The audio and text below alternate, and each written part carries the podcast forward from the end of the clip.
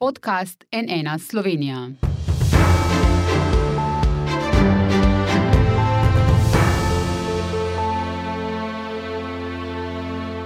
Dobrodan, to je NN studio. Na ukrajinsko-beloruski meji so se začela mirovna pogajanja za prekinitev vojne v Ukrajini.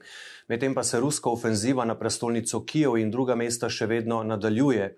Iz Ukrajine je po ocenah Združenih narodov zbežalo že več kot 500 tisoč ljudi, to število pa še narašča. Večinoma prihajajo v sosednje države, torej na Polsko, Slovaško, Mačarsko in v Romunijo. Prvi begunci, po besedah obramnega ministra Tunina, okoli deset, pa so prispeli tudi v Slovenijo, kjer smo medtem že začeli zbirati humanitarno pomoč.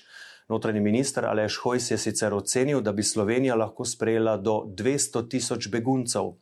Kako torej pomagati Ukrajincem? O tem z gostoma, generalno sekretarko Rdečega križa Slovenije Cvetko Tumin in primožem Jamškom slovenske filantropije. Dobr dan obema. Dobar dan. Povabili smo tudi vladno stran, direktorico Urada za oskrbo in integracijo migrantov Katarino Štrukelj, ki pa za danes napoveduje zgolj pisno sporočilo za javnost in o tem vas bomo seveda obvestili v nadaljevanju. Pa če začneva midva, gospod Tomin, vas dan ste že po sestankih, usklajujete se tudi na mednarodni ravni. Kakšne so zadnje informacije, kako torej potekajo prve priprave na pomoč? Pozdravljeni še enkrat. Ja, drži, da se stankujemo že ne samo v dan, ampak v vikend v Rdečem križu Slovenije. Je koordinacijska skupina za odziv oziroma pomoč tako ljudem v Ukrajini, kot ljudem, ki so bili prisiljeni zapustiti Ukrajino, aktivna že od petka. Takoj smo se pridružili skupnemu pozivu po zbiranju federacije, govorim Gibanja Rdečega križa in Rdečega polmeseca, da zbiramo finančna sredstva za takojšnji odziv. Zakaj to poudarjam? Ker takojšnja pomoč v, na način, da je tudi najbolj učinkovita, je tista, ki največ šteje. V tem trenutku je to finančna, zato smo tudi objavili preko naših kanalov tekoči račun in pa seveda SMS, kjer ljudje lahko donirajo, torej beguncem, beguncem pet. In morda v informacijo, pred slabe pol ure smo zaključili sestanek gibanja, kjer je bil prisoten generalni sekretar Rdečega križa Ukrajine, kot tudi podpredsednik Rdečega križa Rusije, Mednarodna federacija in pa komitej Rdečega križa, kjer je bil ravno to predmet razgovora, kako najučinkoviteje pomagati.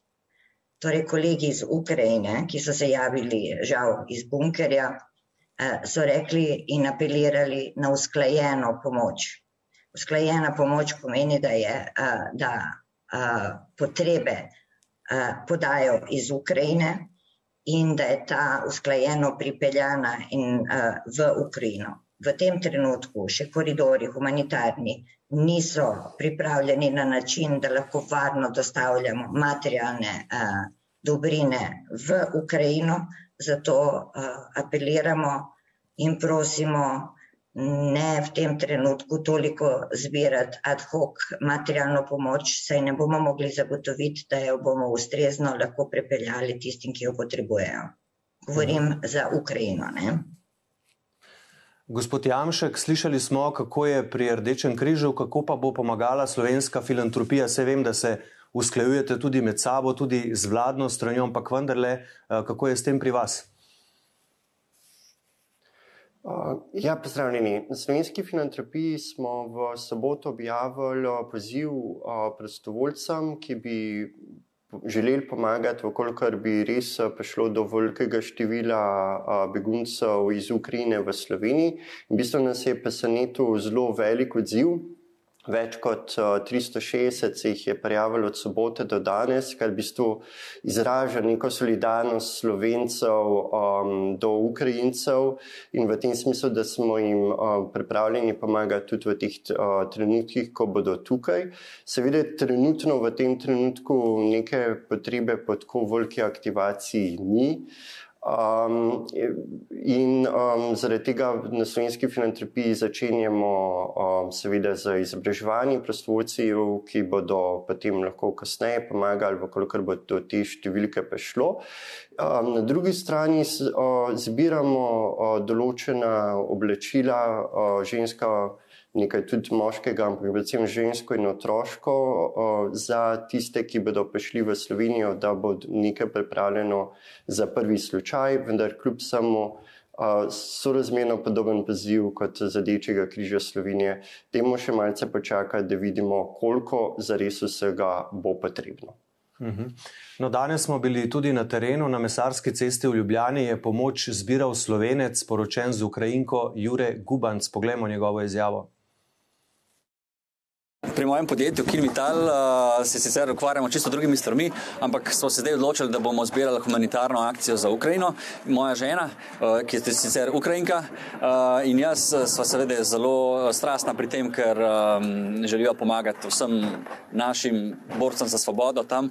In uh, preprosto dobili smo vzgib iz tukaj noter in v, v soboto smo začeli zbirati in do zdaj, do podelka smo že nabrali v bistvu toliko robe, da ne, ne vemo več, kaj z njo, oziroma imamo zdaj že glavni problem to, da logistika um, in sicer ramo ljudi, ki bodo prišli tudi pomagati, tako le pakirati, kot so tukaj prostovoljci prišli, ramo škatle ljudi, da to čim prej znosimo gor na kamion. Uh, kolega, uh, ki se mu zelo zahvaljujem, Klemen Piškur, je. Uh, doniral svoje kamione in bo z svojimi kamioni prišel, da se ta roba odpelje na Polsko. In na Polskem bodo potem to robo prevzeli in jo dali v prave roke naprej v Ukrajino. Kaj točno pa potrebujete in česa imate že dovolj? Načeloma imamo trenutno dovolj, kar se tiče hrane in oblek. Uh, potrebovali bi morda še kakšne bolj specialna zdravila v takih kriznih trenutkih. Zato apeliram kakšne zdravnike, medicince, farmacevte, da donirajo kakšne zdravila. Inzulin, take stvari jim primankuje, tudi stvari za prvo pomoč in tako naprej. Slišali smo, ne, da se že tudi pri njih, eh, torej pri tem gospodu, ki zbira in pomaga, pojavljajo logistične težave, nekaterih stvari ima preprosto že preveč. Morda gospod Tomin neko splošno navodilo. Ogromno ljudi želi pomagati, ampak včasih je seveda to lahko dodatna težava, če ni dovolj skoordinirano, če, ni morda, eh, če ne upoštevajo navodil. Kaj svetujete ljudem? Kako naj pomagajo, ka, kam naj prej pokličijo, predvsem pa česa naj ne prinašajo, da ne povzročajo s tem morda kakšnih težav. Zelo težko vprašanje in čustveno vprašanje, ker zelo spoštujem željo uh, in pripravljenost ljudi po pomoči, da so pripravljeni uh, dati tisto, kar sami potrebujejo uh, za so ljudi, ki so pa še v večjih stiskah in vendar ponavljam, usklajena pomoč je najboljša pomoč. Zelo moramo biti previdni pri transportiranju zdravil, medicinske opreme, kljub želji in pomankanju na drugi strani, to mora biti narejeno na način, da dodatno ne ogrožamo človeških življenj. Zato pravim, da je raje počakati in poslušajmo tiste, ki smo že leta in leta upravljamo te aktivnosti in vemo, kako da to pride do ljudi, ki to potrebujejo, da se nam ne bi dogajalo, da bi ostajala da, uh, donirana materialna pomoč, uh, breme katerikoli državi na poti ali pa boh ne daj tudi uh, Ukrajini, uh, ker uh, to se potem dogaja in uh, ni dober občutek. Zato pravim, ljudje, ki boste lahko prispevali, počakajte še malo, bomo dali pozive za uh, zbiranje konkretne pomoči, ki je potrebna, in tudi kdo jo bo prevzel in kam bo ta uh, pomoč namenjena, ker to pomeni usklajeno pomoč. Mhm. Kaj glede tega svetujete vi, gospod Jamšek? Ne slišali smo prej nekako poziv za zdravila, ampak kolikor vem, predvsem glede zdravil, pot, na, pot do Ukrajine ni tako enostavna, drži. Um, tako je, drži. Um, mi smo prišli do um, nekih neformalnih informacij in tudi do seznama, katera zdravila ja, katera ne. Tudi potem je dejansko zelo specifično. Tako da dejansko na slovenski filantropiji stvari, ki jih bomo dobili od ljudi kot donacije, bomo zelo skrbno pregledali in potem pripravili pakete, ki bodo dejansko lahko prečkali uh, ukrajinsko mejo, kajti uh, v bistvu so tam postavili zelo stroga pravila, kaj se lahko prečka in kaj ne. Um, Dogovorjen je z gospodom častnim konzulom, ki bo organiziral vse te prevoze, um, da mu lahko vse te stvari predamo vendar, ko pogledamo tiste sezname, pridemo do zares zelo specifičnih um, zdravil in stvari, ki jih dejansko nimamo um, drugače doma v vsakodnevni uporabi. Torej, če prav razumem, še preden ljudje pomagajo, morda bolje, da prej pokličejo k vam, gospod Jamšek, in vprašajo, in prej preverijo. Drži? Uh, da, vsekakor. Um, Nažalost, stisk ljudi je vse čas ogromno in priložnosti pomagati bo, o, se bojim, da tudi v prihodnosti še zelo velik. Tako da dejansko, um, kot smo nekje zapisali, demo narediti to, da bo pomoč za res pomoč, da bo v bistvu uh, za res pomagala in da tudi nekih drugih humanitarnih in drugih delavcev ne bo uvirala pri samem delu. No, poglejmo še, kaj so nam o tem povedali prostovoljci, ki so danes prinašali pomoč in s katerimi smo se pogovarjali. To, kar se ljudje najbolj v stisk najdemo, tako da pač ljudje, ljudje za ljudi. Ne? Prinesla sem štiri odeje, ker mislim, da je to tisto, kar jaz lahko dam najbolj pametnega od tega zato ker je zdaj še zima in ker ljudje bežijo, bežijo brez vsega in da se, se lahko utopali v garne, če drugane. Za pomoč v Ukrajini in um, malo zdravil, malo oblek za otroke. Moko, te, pa te, kar so osnovne stvari. Pač, uh, moja punca je iz Ukrajine, tako da vsi pomagamo. No?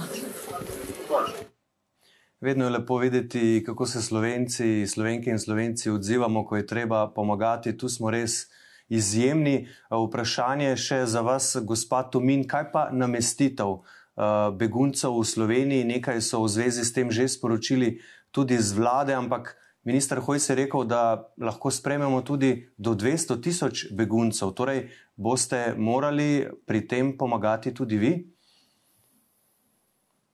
Predvidevam, da ne konkretno v namestitvi.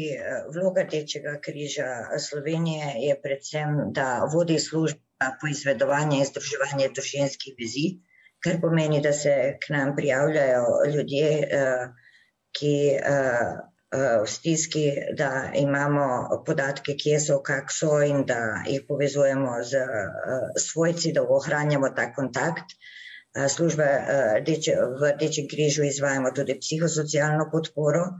V ta namen imamo tudi v svojih vrstah že prostovoljce, ki govorijo ukrajinsko, da bojo lahko pomagali tudi v stiskah, medtem ko pri konkretnih namestitvah nismo mi tisti, ki to urejamo, ker tudi nimamo kapacitet, pomagamo pa pri oskrbi teh družin, ljudi, posameznikov z uh, prehranskimi in materialnimi, uh, drugimi materialnimi uh, potrebščinami.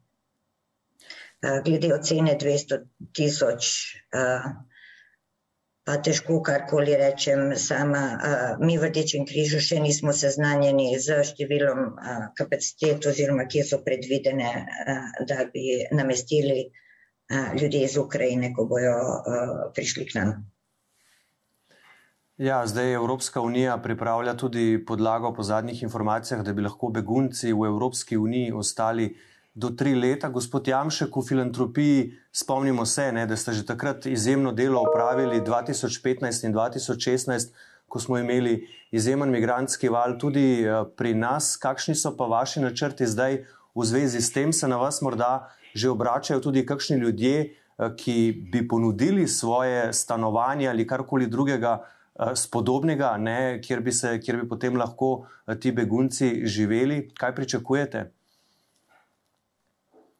Um, da, um, na nas so Mi smo že prijeli nekaj čez 20 najrazličnejših ponudb za samo namestitev, vendar v bistvu je to, kar je mogoče zelo pomembno in kar še ni točno jasno in kaj se sedaj dogovarja tudi na ravni Evropske unije, je dejansko, kakšen status bo podeljen tem osebam, ki so tukaj. Ali bodo šli čez klasičen postopek mednarodne zaščite, kar pomeni, da bodo prosilci za azil in potem bodo dobili status mednarodne zaščite ali subsidijarno ali status begunca, um, ali bodo dobili um, um, neko zaščito po zakonu um, začasnem, o začasni zaščiti. Um, kaj bo z osebami, ki so dejansko trenutno v Sloveniji na podlagi delovnih dovoljenj, ki jih ne bodo mogli podaljšati, zaradi tega, ker ne bodo mogli prenesiti svoje države uh, potrdila o nekaznovanosti. Tako da tle je kar nekaj teh osnovnih vprašanj, ki jih bo mogla um, rešiti najprej država, da v bistvu se bo na podlagi tega lahko delalo potem tudi nek konkretni integracijski načrt teh ljudi v skupnost.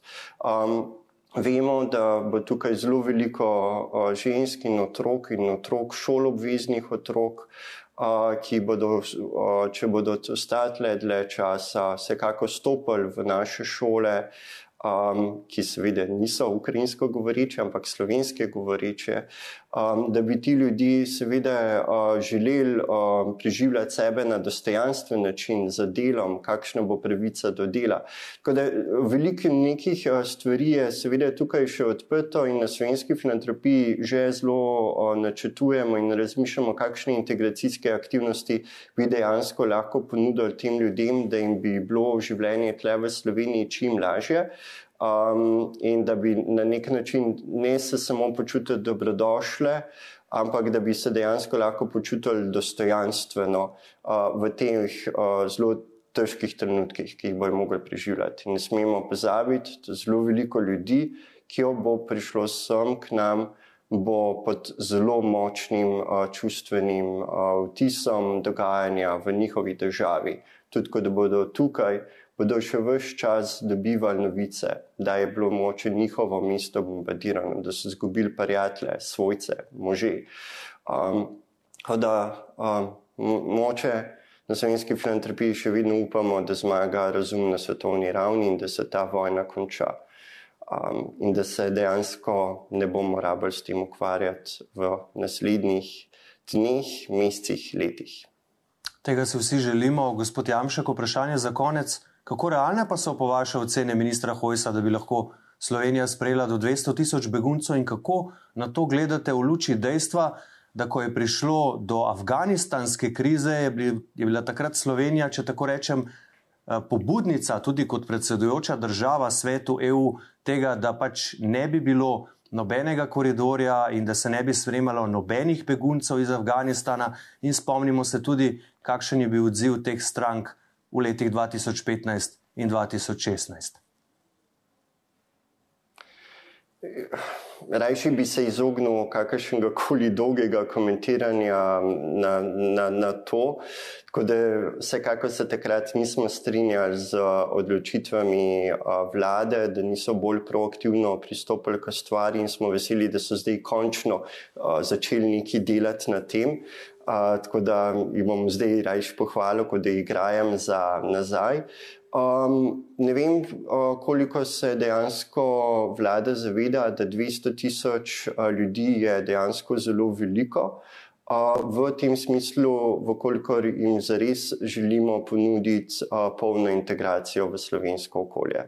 Vkolikor jih bi samo namestili v nek center, da tam uh, živijo in da tam v bistvu jim damo kosilo, zajtrk, večerjo, Um, ja, imamo te kapacitete moče takoj, ampak vkolikor pa dejansko želimo, da so ti ljudje zares vključeni v trg dela, v izobraževanje in tako naprej, uh, pa um, to pomeni zelo veliko dela za vse nas.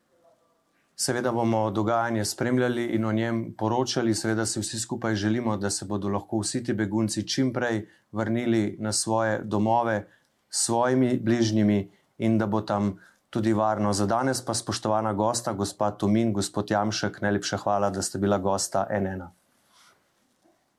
Hvala tudi vam. Hvala tudi vam. Hvala pa tudi vam za vašo pozornost. Seveda spremljajte našo spletno stran nnainfo.si, kjer sproti objavljamo vse najnovejše informacije, tudi kako se razvijajo mirovni pogovori na ukrajinsko-beloruski meji in seveda boste tam našli tudi vse informacije, kako pomagati, če to želite. Iz studija pa hvala lepa in nasvidenje.